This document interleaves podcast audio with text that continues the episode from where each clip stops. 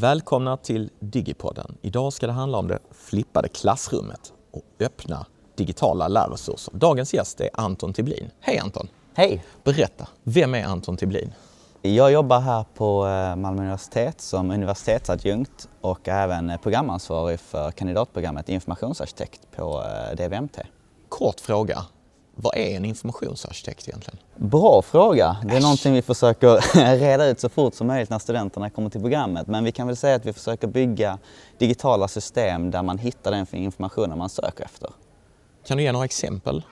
Ja, men det finns ju hur mycket information som helst tillgänglig idag. Och problemet är inte att informationen inte finns utan det är ofta att man ska hitta rätt. Det kan vara allt från att man vill köpa en sak, till exempel om man går in på en stor elektronikaffär på nätet och vill ja. hitta precis rätt sak. Vilka kategorier ska finnas? Hur ska sökresultaten visas upp? Hur hittar du just det du söker efter? Även om du kanske inte exakt vet vad du söker efter. Du använder flipped classroom-pedagogik i din undervisning. Hur gör du det? Ehm, det är ju ett av flera pedagogiska hjälpmedel eller sätt som, som vi använder oss av. Och det går ju egentligen ut på att istället för att man har en klassisk föreläsning där jag står och pratar inför alla studenter mm. Mm. så vänder man på det att de pluggar på där hemma istället och vi har mycket mer aktiv undervisning när de är på plats. Aktiv, hur, hur är det hur då aktiv? Eh, aktiv att man jobbar kanske casebaserat i, i mm. grupper där, där man mm. diskuterar fram olika lösningar eller mm. seminarieliknande eh, situationer där man mm. kan diskutera problem från olika vinklar. Där man helt enkelt interagerar mycket mer med varandra och där jag finns som stöd. Eh, några, några särskilda verktyg eller tips och tricks du brukar använda i detta? Berätta! Ja, jag, jag var med i ett eh, pedagogiskt projekt tillsammans med två kollegor där vi tittade på olika verktyg vi kunde använda för det här med flipped classroom. Och tar man den klassiska versionen som vi pratade om innan, att man låter studenterna läsa in sig hemma, mm. antingen en bok eller videos mm. och sen man är aktiv på själva lärandetillfällena i skolan.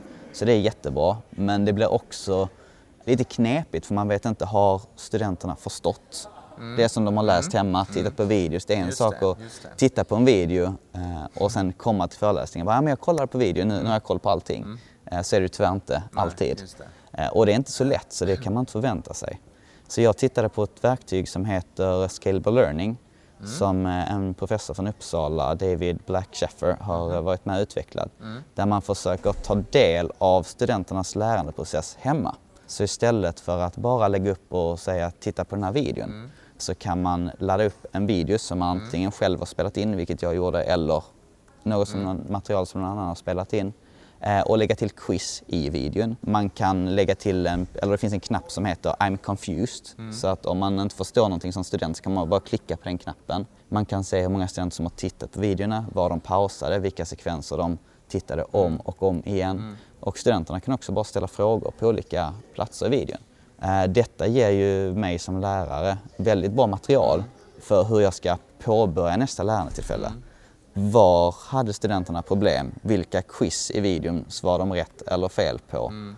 Uh, och det finns många fler möjligheter mm. att interagera med studenterna. Man kan också ha forum där en student ställer en fråga publikt och jag kan svara så att alla ser mm. och så vidare. Men det är en väldigt bra dataunderlag för hur man ska gå vidare på mm. föreläsningarna. En, en sån här video som du har spelat in själv, mm. vad, vad försiggår i den här videon? Berätta så vi får en bild. Ja, kurserna som jag gjorde detta i de var eh, fokuserade på webbutveckling mm. för olika enheter. Mm. Alltså man vill utveckla en webbplats som fungerar fint på eh, telefoner, surfplattor och datorer. Så det var ganska mycket fokus på utveckling. Så jag berättade i mina videor lite hur man kunde tänka gällande design av sådana här eh, webbapplikationer mm. och hur man kan programmera olika lösningar. Mm. Så jag spelade in klipp som var kanske 6 till 8 minuter mm. långa där man tog olika koncept för sig för att få olika pusselbitar eller byggstenar. Mm. Uh, och sen så på plats när vi träffades allihopa så mm. diskuterade vi hur de här byggstenarna eller pusselbitarna kunde byggas ihop mm. för att skapa ett eh, komplett system.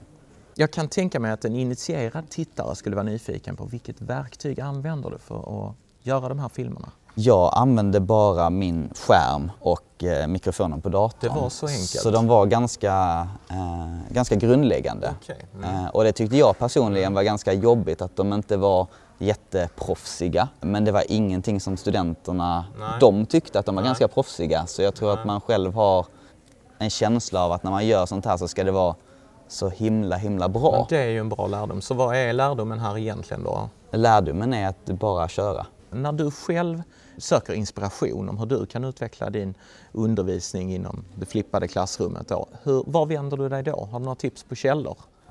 Det var en bra, eh, en bra fråga. Jag tycker att det finns en jättebra introduktionsvideo där på Scalable Learning. Även om man inte vill använda det verktyget så förklarar de ganska tydligt hur man kan tänka eh, och vad som är viktigt att tänka på. Då närmar vi oss den andra delen av den här podden, nämligen den som vi då har kallat öppna digitala lärresurser. Först och främst, vad är det för någonting? Eh, tanken är väl att de, de läranderesurserna, det materialet som vi använder i kursen, inte stängs in i ett system, eh, slutet system som till exempel Canvas eller It's Learning som vi hade tidigare.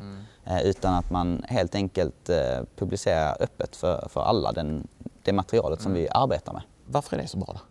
Personligen tycker jag det är superbra eftersom jag själv har lärt mig extremt mycket genom att ta del av andra som har öppnat sitt material ja. på nätet. Eh, när jag har haft funderingar eller vill lära mig mer om ett område så finns det ofta väldigt mycket bra information. Eh, och det känns väldigt bra att kunna bidra till detta. Och det kan vi inte göra i Canvas. Det kan vi göra i Canvas. Ja. De har ett val där man kan välja om sitt material ska vara upphovsrättsskyddat Mm. eller öppet.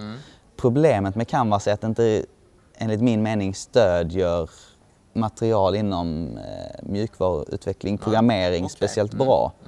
Vilket är en stor anledning varför jag har valt att lyfta ut den här delen Mm. från Canvas. Jag har ju fortfarande inlämningsuppgifter och allt administrativa Mm. i Canvas. Det är bara uppgiftsbeskrivningar, eh, laborationer, föreläsningar och övrigt material som jag har valt att, Mm. att lyfta ut. Och var lyfter du det till för någonstans då?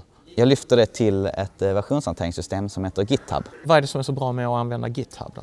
GitHub ger ju i mitt fall en väldig transparens kring eh, all information som används i kursen. I stort så är det ju framförallt jättebra för ett versionshanteringssystem så att man kan ha koll på sin kod och sin information och hur den har utvecklats över tid. Just det. Eh, sett till kursen, om vi ska prata för studenterna här, så eh, är det väldigt bra dels att de har tillgång till allting på ett väldigt, väldigt enkelt sätt. Vill de ta del av kod som har producerats på en föreläsning till exempel så finns den där. Skulle man hämta hem kod eller någonting från Canvas eller göra det lättillgängligt där så får man antingen ladda upp kodfilerna till exempel. Då får man gå in i Canvas, hitta kursen, hitta föreläsningen, hitta rätt fil, ladda ner filen för att sen kunna öppna filen för att se vad som finns där inne i. Eller lägga upp en pdf eller någonting med koden, men då blir den inte körbar. Eh, I GitHub så kan man bara skicka en länk och så har de allting där utan att behöva logga in på Canvas eh, överhuvudtaget. Och man kan väl tänka sig att världen utanför, de, de, framtida student, de studenternas framtida arbetsgivare och liknande, snarare använder GitHub Precis. än Canvas. Precis. Eller? Det är ju nästan ett krav om du ska komma ut och jobba med utveckling att du har koll på versionshanteringssystem. just det. Så vi ser det här också som en liten ingång till att de bekantar sig med det. Nu har de ju det här i kurser också. Men i och med att vi har allt vårt material på GitHub så kan ju studenterna vara med och eh, påverka materialet. Hittar de eh, någon felaktighet i materialet, hittar de eh, en länk som de tycker är en jättebra tips på en laboration till exempel, kan de lägga in den länken. Så det blir dels en kvalitetssäkring men också att de kan bidra. Just det, så det blir någon slags kollaborativt lärande med hjälp av dessa öppna digitala läranderesurser som exempelvis GitHub. Precis. Sen har vi också använt ett verktyg i GitHub som skapar en webbplats av allt detta. Så att du har ett eh, användarvänligt gränssnitt eh, att surfa in till. Så du kan välja vilken nivå. Om du bara vill ha tillgång till materialet så går du till webbsidan. Vill du ha tillgång till råmaterialet så är det bara att gå in på GitHub och så kan du kopiera hem allting om du själv vill experimentera med det. Kan det vara så att studenterna har några, någon annan fördel av att ha arbetat ehm, med GitHub annat än då att företagen så småningom tycker att det här är jätteviktigt? Jag menar, eh, är det ett ställe där man kan showcasea sin, eh, vad man har gjort och vad man har lärt sig? Precis. Det är ganska ofta man bygger portfolios genom GitHub där man kan visa upp det man har gjort. Och jag vet ju själv att jag har ju lagt upp en del på GitHub. Majoriteten är ju, är ju arbete jag har gjort inom universitetet men även som jag har gjort vid sidan om. Eh, och det har ju hänt flertalet gånger att man har fått jobberbjudande för att de har hittat den på GitHub. Och de har du nogsamt tackat nej till, vilket Ja. vi alla är, och icke minst studenterna är tacksamma för. Och det var allt för den här veckans avsnitt i Digipodden. Tack för ett mycket intressant samtal Anton och lycka till framöver. Tack så mycket.